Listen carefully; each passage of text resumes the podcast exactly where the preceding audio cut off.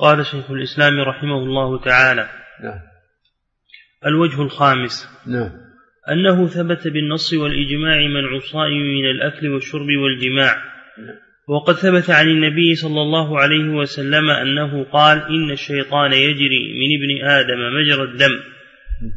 ولا ريب أن الدم ولا, ولا ريب أن الدم يتولد من الطعام والشراب. لا.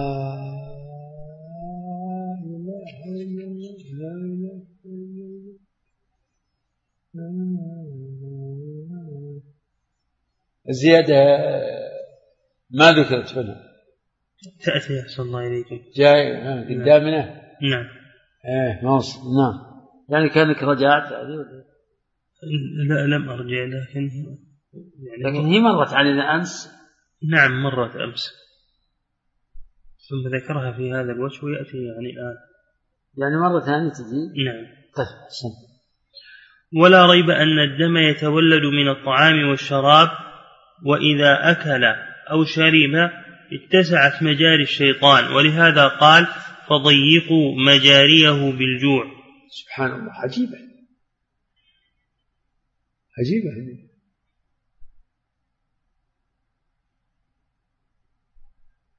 لا إله إلا الله. قال وبعضهم يذكر هذا اللفظ مرفوعا. أه. ولهذا قال النبي صلى الله عليه وسلم بعضهم. نعم. طيب عندك ما عندك ما عندك تحقيق؟ ليس عندي أحسن الله إليكم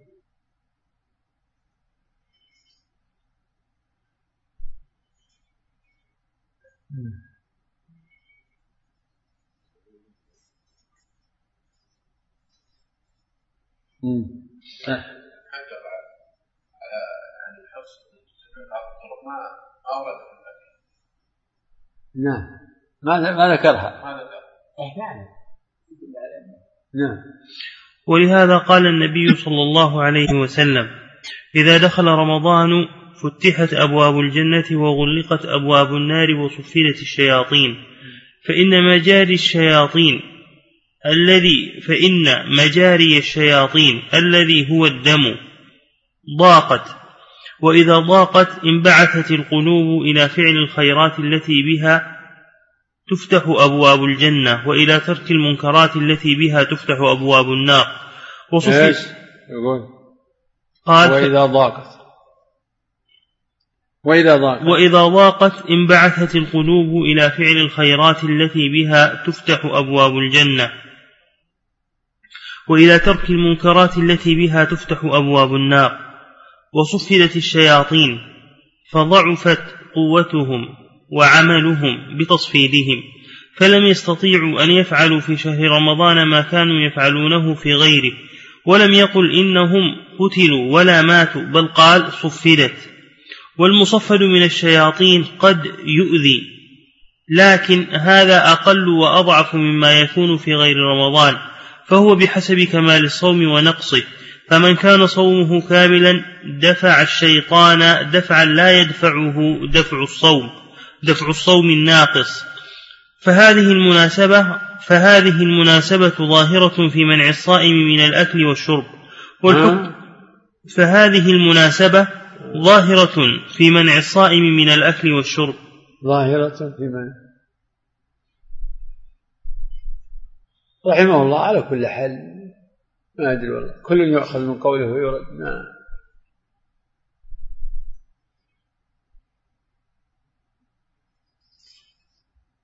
إنما يضعف سلطان الشياطين بما في القلوب من الإيمان يعني مجرد التضييق. فيه هناك من يصوم. يصوم ويمسك عن الطعام والشراب. ولكن كما تعلمون. ما يمنعه ذلك من اقتراف المعاصي.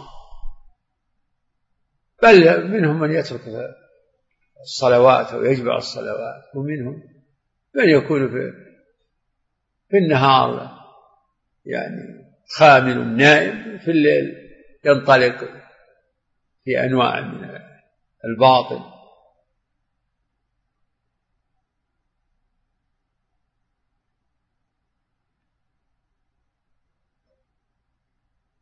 الذي يظهر والله أعلم إن يعني هذا معناه أن رمضان تيسر فيها أبواب الخير وأسباب المغفرة أسباب الرحمة والنجاة من النار تفتح للعباد للمؤمنين أبواب من طرق الخير. فالشيخ عبر قال إنها تتيسر لهم أفعال الخير التي تفتح بها أبواب الجنة. احتمل أن تكون نفس الأعمال الصالحة هي أبواب الجنة. يعني عبر أو كني بها عن أبواب الجنة.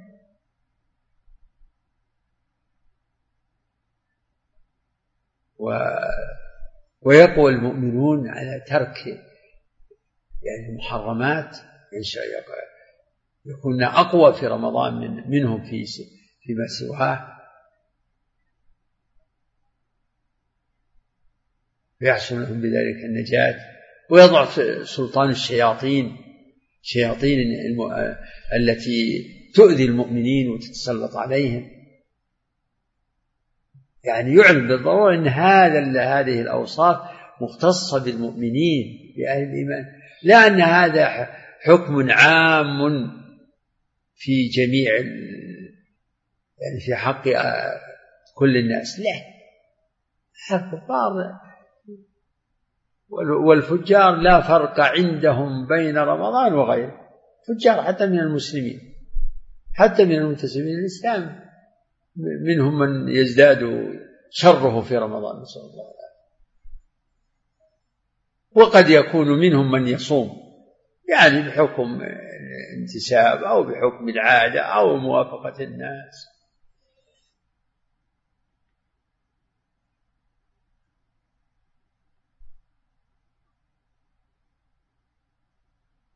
نعم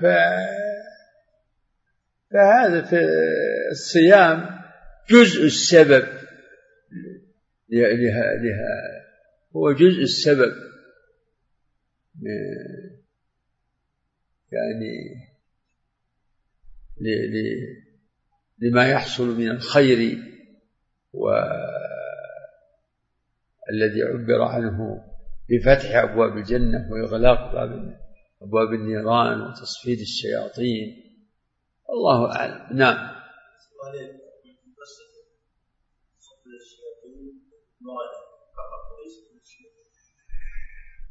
الله أعلم. هو جاء في الحديث مرضت الشياطين. قال لها الشياطين كلهم مرضوا. نعم. الله إليكم فهذه المناسبة ظاهرة في منع الصائم من الأكل والشرب والحكم ثابت على وفقه وكلام الشارع قد دل على اعتبار هذا الوصف وتأثيره. وهذا المنع منتف في الحقنة والكحل وغير ذلك. إيه هذا صحيح. الحقنة وكذا ما لها تأثير في زيادة الدم ونقصه نعم. فإن قيل بل الكحل قد ينزل إلى الجوف ويستحيل دما قيل هذا كما قد يقال في البخاري الذي يعني الشيخ وقف طويلا عند هذه النقطة. يستحيل دما. على كل الله أعلم.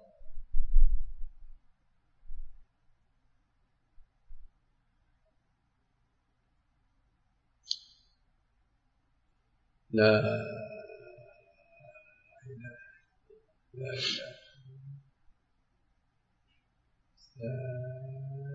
لا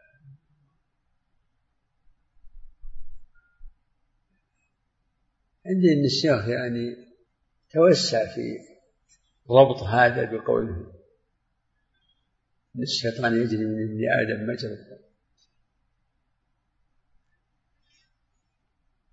فيه فيه يعني فيه. من الصيام لا شك أن الصيام مما يضعف سلطانه سلطان الشيطان. ولهذا جاء يمكن من شواهده حديث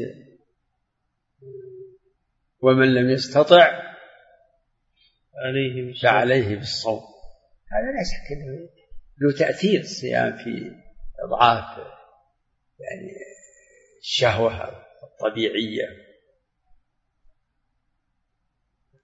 فإنه أغض للبصر وأحسن للفرج. ومن لم يستطع عليه بالصوم فإنه له وجاء نعم. بعد. نعم. قيل هذا كما قد يقال في البخاري الذي يصعد من الأنف إلى الدماغ فيستحيل إيه، دما. فإن قيل بل الكحل قد ينزل إلى الجوف ويستحيل دما. قيل هذا كما قد يقال في البخاري الذي يصعد من الأنف إلى الدماغ. البخاري الذي يصعد.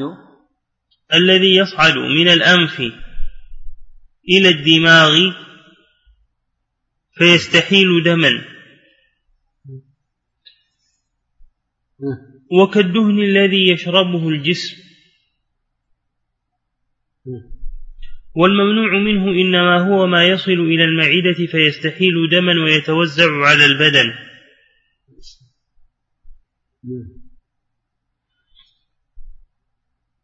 ونجعل هذا وجها سادسا فنقيس الكحل والحقنة ونحو ذلك على البخور والدهن ونحو ذلك لجامع ما يشتركان فيه من أن ذلك ليس مما يتغذى به البدن ويستحيل في المعدة دما.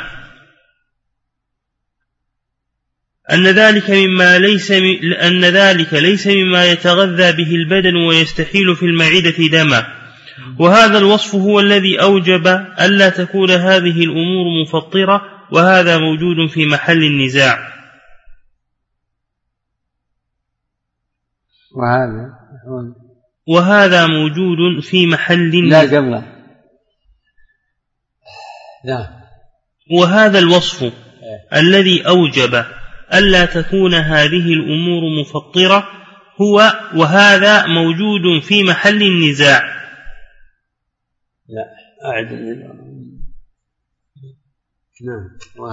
ونجعل هذا وجها سادسا. فنقيس الكحل والحقنة ونحو ذلك على البخور والدهن ونحو البخور والدهن. ونحو ذلك لجامع ما يشتركان. عندك الأول ما يتصاعد البخار ولا البخور اللي راح البخار. بخار قال البخار الذي يصعد من الأنف إلى الدماغ. إيه لكن ما في نسخة. البخور.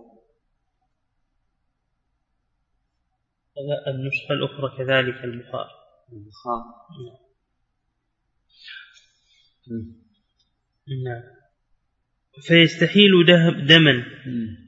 لكن أحسن الله إليكم يعني هل يتصور يعني الآن هذا يعني؟ بخار يصعد إلى الدماغ ثم يستحيل دم.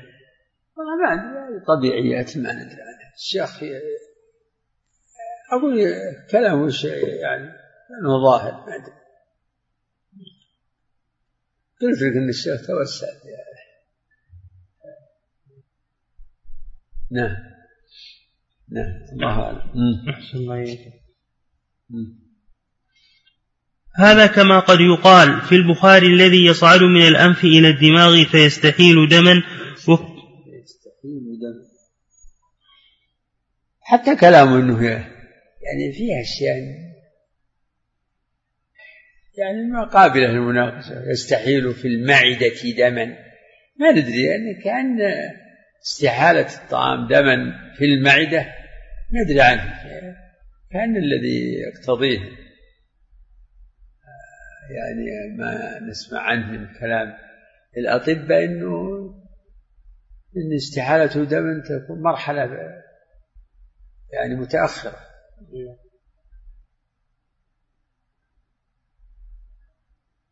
مرحلة متأخرة. يبدو أن الأمر على الطب الذي كان في في زمانهم. إما في زمانه أو حسب ما يعني قد عن انطباع معين. نعم سهل يعني أمور ما تستوجب يعني الوقفة. نعم. ولا الأصل أحسن الله إليكم يعني ما هناك ريح يصعد أصلا إلى الدماغ؟ إيش؟ يعني ما يستنشق ما, ما يصعد إلى الدماغ أصلا الآن يعني يدخل الرئة ولا عن طريق الأنف أو لكن ما هناك منفذ من الأنف للدماغ لا إله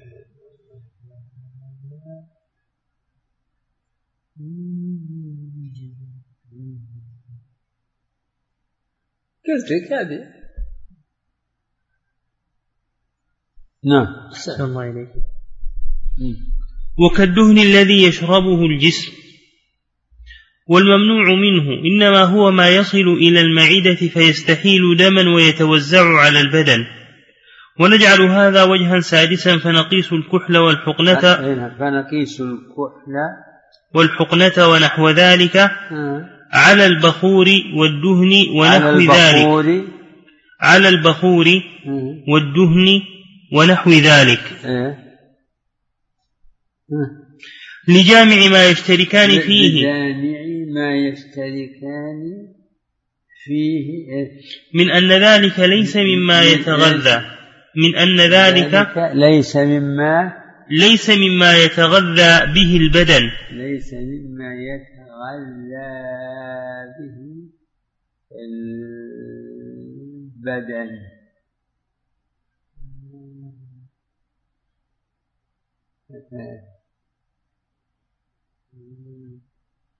ليس مما يتغذى به البدن والله ما أدري يعني مثل الدهن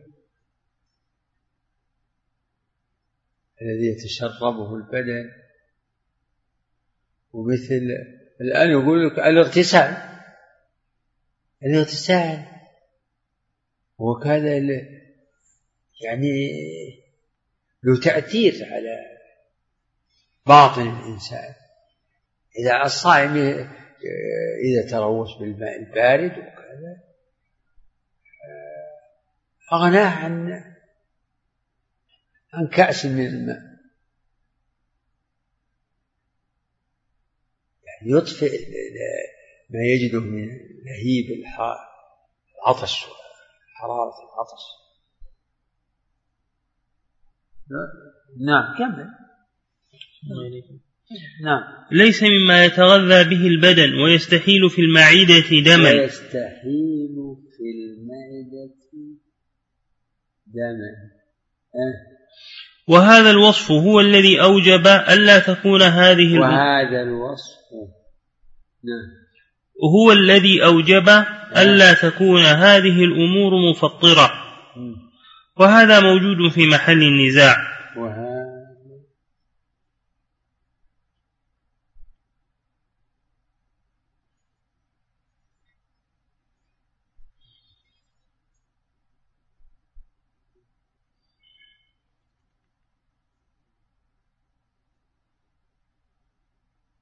نعم. بعد.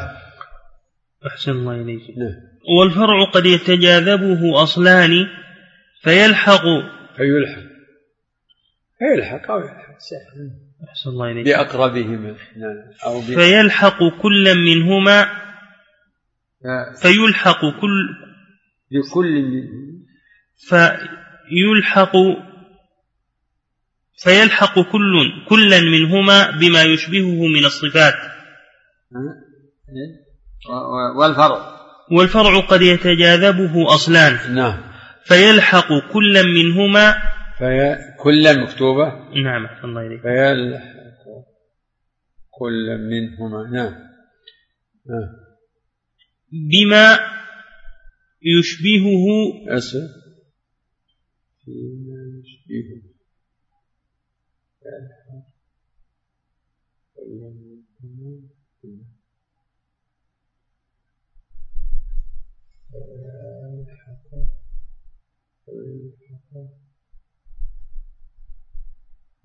كلا منهما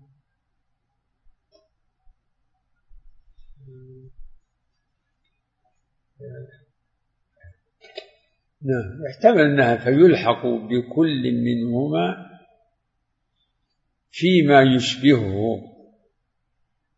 نعم كمل. أحسن الله إليكم فيما يشبهه نعم. فيلحق بكل منهما فيما يشبهه من الصفات. فيما يشبهه من الصفات نعم. فإن قيل هذا تطبخه المعدة ويستحيل دما ينمو عنه البدن. فإن قيل. فإن قيل هذا تطبخه المعدة. تطبقه يعني الكحل. كل الله الاختصار في الأول. خلاص هذا من جنس ما ينفذ. يعني العين ليست منفذا ولا والكحل ليس غذاء ولا يقال إنه أكل أو شرب أو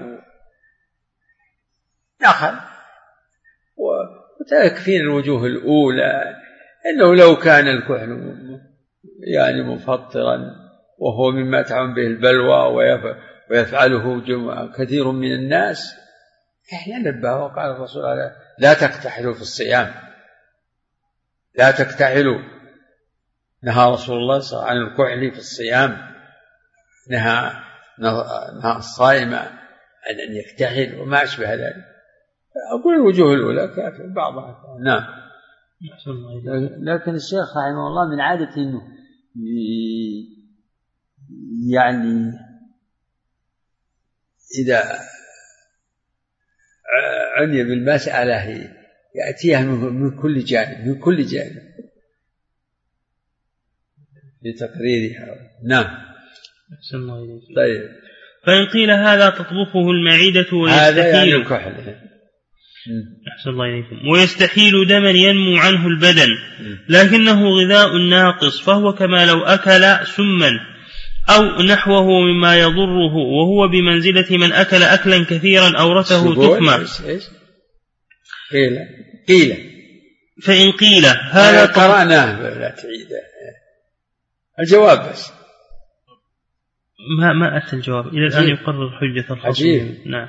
شو فإن قيل هذا تطبخه المعدة ويستحيل دما ينمو عنه البدن لكنه غذاء ناقص فهو كما لو أكل سما أو نحوه مما يضره وهو بمنزلة من أكل أكلا كثيرا أورثه تخمة ومرضا فكان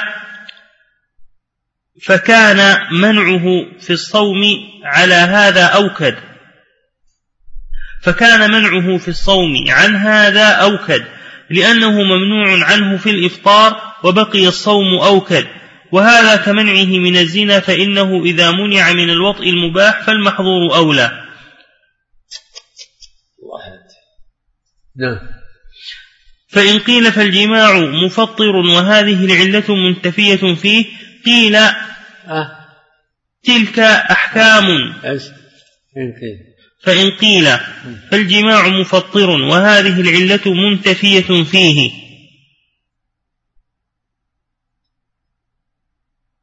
يعني راح السؤال الأول ما جاء جوابه أو يأتي. كأنه يذكر لهم اعتراض. يعني كأن مقرر الحجة طيب كمل. كمل. يورد نعم. فإن قيل فالجماع مفطر وهذه العلة منتفية فيه. يعني علة علة التفطير بالطعام وأنه كونه كون الغذاء يصير نعم يستحيل دما ويتغذى به البدن هذا نوع آخر. الفطر بالجماع نوع آخر. لأن الشيخ يقرر في هذه الرسالة أن الفطر يكون بما بما يدخل البدن وبما يخرج. في فيحصل يعني الفطر بما يدخل من الأكل والشرب. مثلا ويحصل الفطر بما يخرج كالحيض يجعل هذا من من الفطر بما يخرج وبالمني الذي يحصل اختيارا.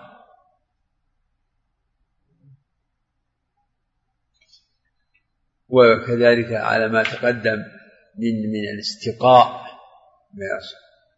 ف وكذلك الحجامة. فيقول إن الفطر يعني يعني مجموعة الأدلة تقتضي إن الفطر يكون بما يدخل يعني منه ما ما يدخل في البدن ومنه ما يخرج. فيحصل الفطر بما يدخل وبما يخرج. نعم. بعد. أحسن الله إليكم فإن قيل فالجماع مفطر وهذه العلة منتفية فيه. قيل تلك أحكام ثابتة بالنص والإجماع فلا يحتاج فلا يحتاج إثباتها إلى القياس.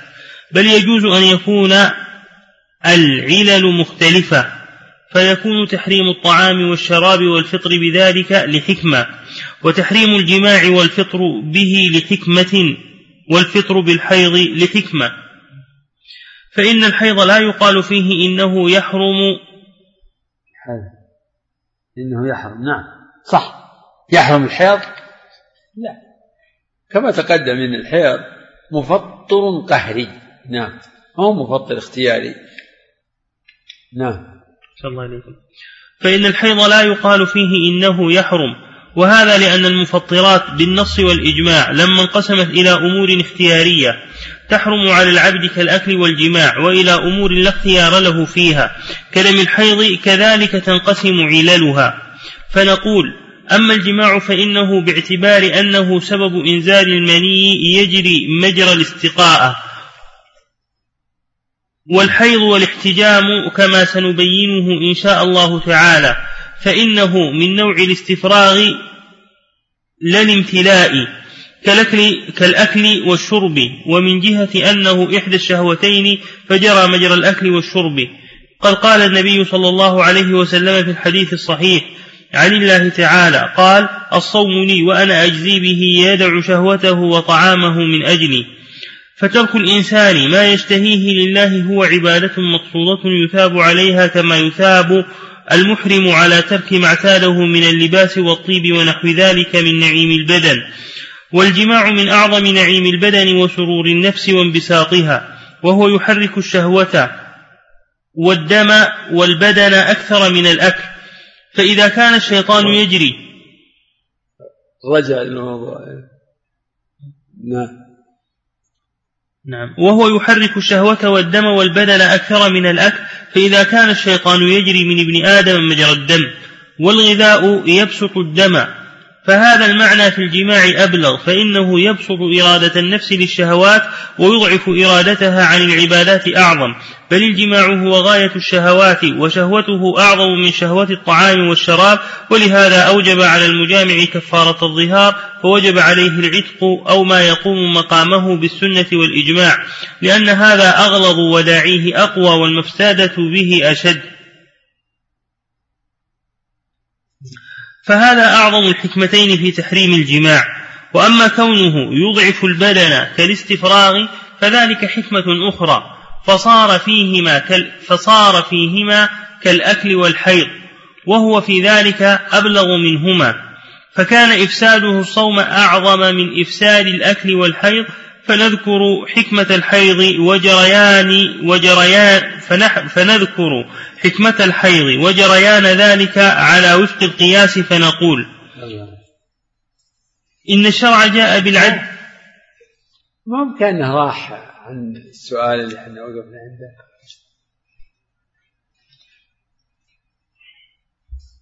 ما شاء الله الساعة كم؟ ست. عشر.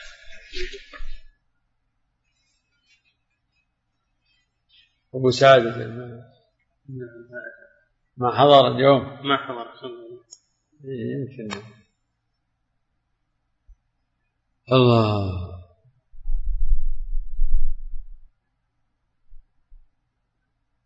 لعل نكتفي بهذا ناخذ وش ما الذي ذهب من الرسالة؟ يعني مضى.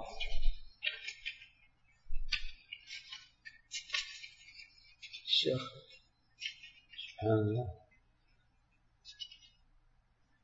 من ثمانية ورقات ذهبت ستة. ها؟ من ثمانية ورقات ذهبت ستة. من ثمانية. نعم هي ثمان ورقات؟ تقريبا يعني ورقات كبيرة. مخطوطة هي؟ لا أنا طابعها يعني من موقع الوزارة. يعني مخدومة عندهم مشكولة إيه في وهي ثمان ورقات؟ إيه نعم. وذهبت منها ست؟ نعم. لا وقف على هذا بس الذي الشيخ محمد ما له تعليقات على ما في له تعليقات ودي يعني اقرأ متصلا أو يختار لنا أو شيء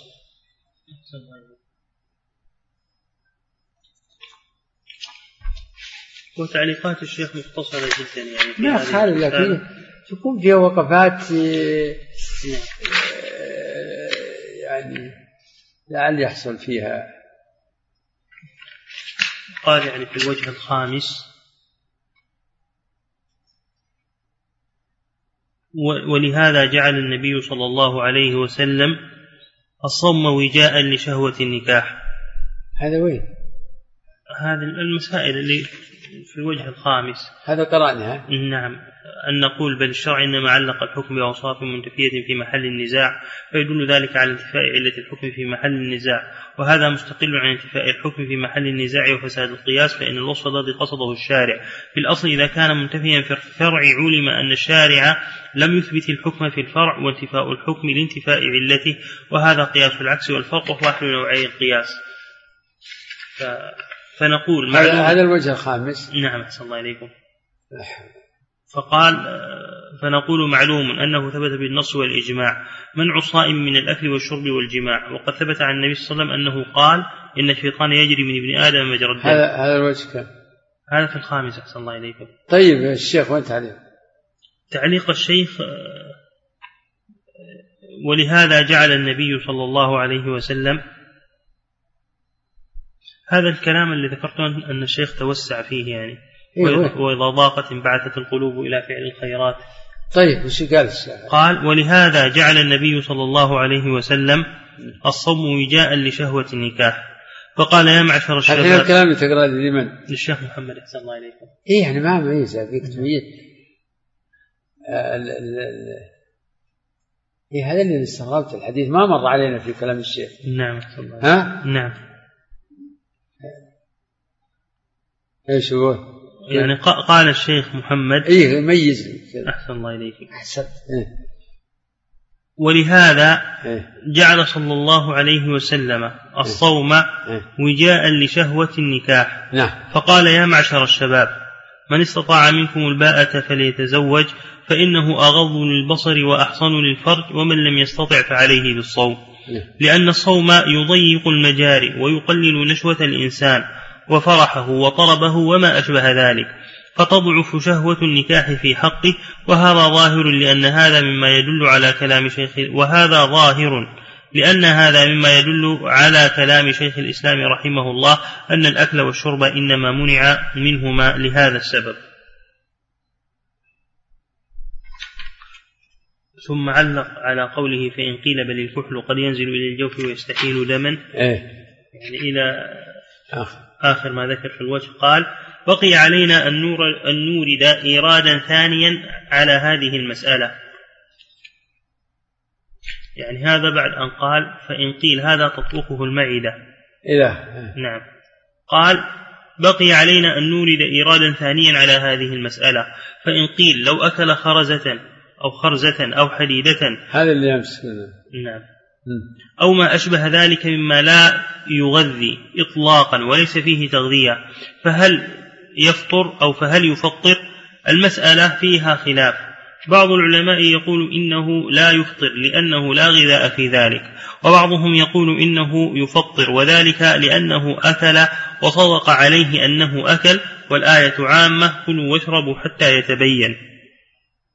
فإذا أكل ولو ما لا غذاء فيه أصلا فإنه يفطر بذلك. على أنه قد يقال أيضا هذا الذي لا يغذي أصلا لا بد أن تمتلئ به المعدة فيغني عن الجوع. أليس الذي عيوني يسد يعني. مثل ما إن يعني الجائع كما جاء في الحديث فيما وقع من النبي وأبي بكر يربط على بطنه حجر. حجر. لأنه ألم الجوع إنما يكون مع الفراغ. خلو المعده يصبح فيها. هذا الفراغ نفسه يجعل الإنسان ما يتماسك ولا يثبت ولا يقوم فإذا ربط على بطنه شيء حجر مثلا يعني شد شوي. الحزام له دور في قوة الإنسان المحزم هذا. يعني الحزام اللي يكون على البطن هذا له له أثر في قوة الإنسان على التماسك والقيام والوقوف والمشي. الشيخ الشيخ جابه إنه إنه إنه لو أكل ما لا يتغذى به يحصل به ملء البطن وهذا يخفف. الله المستعان طيب. فيغني عن الجوع. أليس النبي صلى الله عليه وسلم يربط على بطنه الحجر من الجوع؟ ما شاء الله جاب الشيخ نعم. لأن المعدة تتلاءم فلا تتسع وتحتاج إلى طعام. فصار هنا نقول إنه لا يرد علينا لسببين. السبب الأول أنه داخل في العموم ويسمى أكلا وشربا. السبب الثاني يسمى أكلا وشربا. كلوا واشربوا. يسمى أكلا وشربا.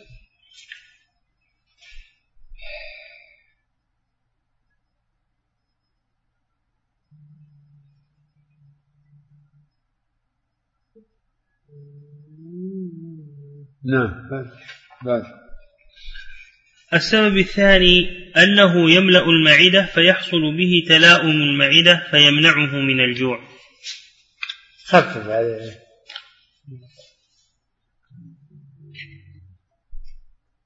الله أكبر اللهم أهدنا من وقت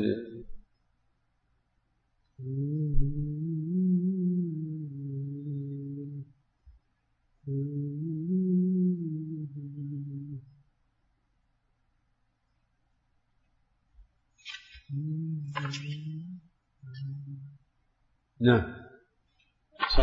انتهى الكلام. انتهى الكلام. انتهى تعليقه على هذا. نعم. وله تعليق كذلك. أما الجماع فإنه باعتبار أنه سبب إنزال المني يجري مجرى الاستقاءة والحيض والاحتجام. جيبوا قال فصار على كلام الشيخ رحمه الله أن الجماع يتجاذبه علتان العلة الأولى الاستفراغ والعلة الثانية الشهوة. فالاستفراغ يكون مقيسا على الحجامة والقي والشهوة مقيسة على الأكل والشرب. لكن العلة الأخيرة أوضح وأظهر وأعم أنه من أجل الشهوة بدليل أنه قد يحصل جماع بلا إنزال فتنخرم علة الاستفراغ. هذه أحكام نصية منصوصة. ولهذا ابن حزم فيما يعني بلغني ما وقفت عليه مشهور عنده أن الاستمناء لا يفضل خلاص لا يفضل. وعلى وعلى موجب كلامه لعله موجب كلامه لو أنه باشر امرأته وفعل وعركها وكذا وأنزل ما ما يفتح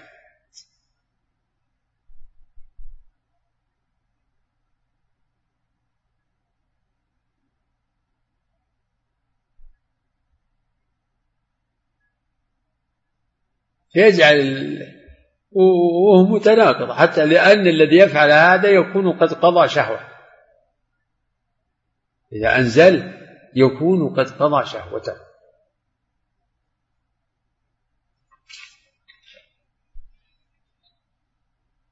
إذا فعل هذا ما يحتاج جماع حصل له المقصود.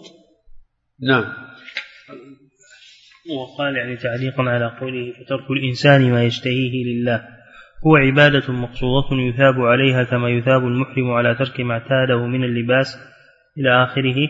قال لأن العبادات حقيقة هي فعل وكف لا بد منها وإنما كان كذلك لأن من الناس من يسهل عليه الكف ومن الناس من يسهل عليه الكف دون الفعل. فج... لأن قال وإنما كان كذلك لأن الناس من يسهل عليه الكف. لأن من الناس من يثقل عليه الكف. كذا؟ يسهل. يسهل؟ نعم المكتوبة يسهل. يسهل. نعم. يعني ما أدري. يسهل عليه الكف ومن الناس من يسهل عليه الكف دون الفعل. كأن واحد يثقل. لا يثقل ويسهل. نعم. إيش؟ أعدها. لأن من الناس من يسهل عليه الكف. من يسهل عليه الكف. ومن الناس من يسهل عليه الكف دون الفعل.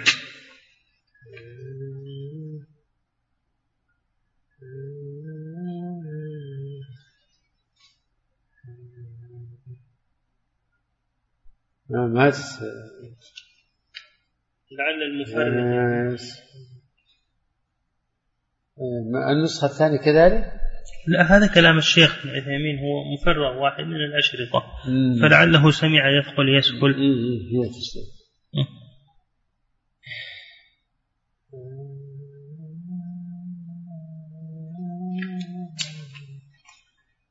هذا الواقع أن الناس منهم من يسهل عليه الكف ويثقل عليه الفعل. ومثال ذلك من يصوم وتثقل عليه الصلاة. هذا زاد يسهل عليه الكف. ومن الناس من هو بالعكس يسهل عليه الفعل ولكن ما يثقل عليه الكف. هذا ومن الناس من يثقل عليه هذا وهذا هو لا يفعل ولا يكف. ما يقع ما يقع لا.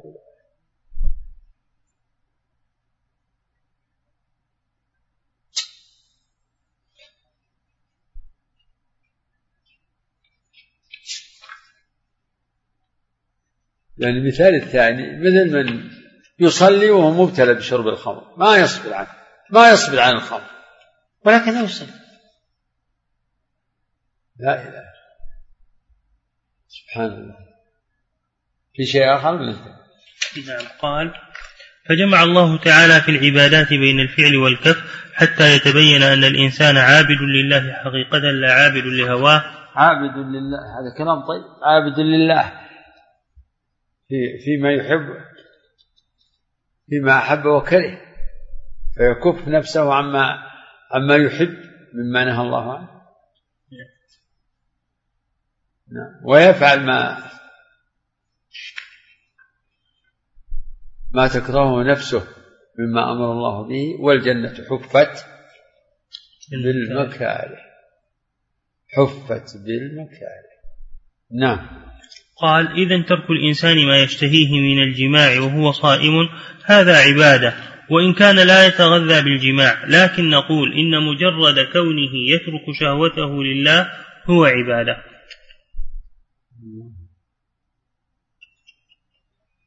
لا إله إلا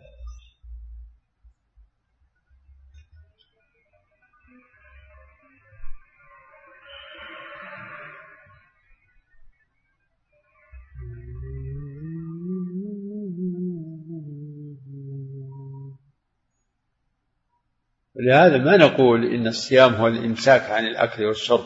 لا هو الإمساك عن المفطرات كلها أكل شرب جماع. وكذلك على القول بالتفطير بالحجامة وغيرها وغيرها. الإمساك عن المفطرات. الله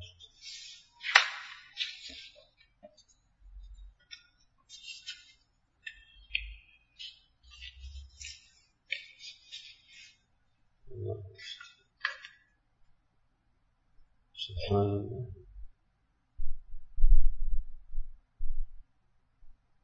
نتوقف أحسن الله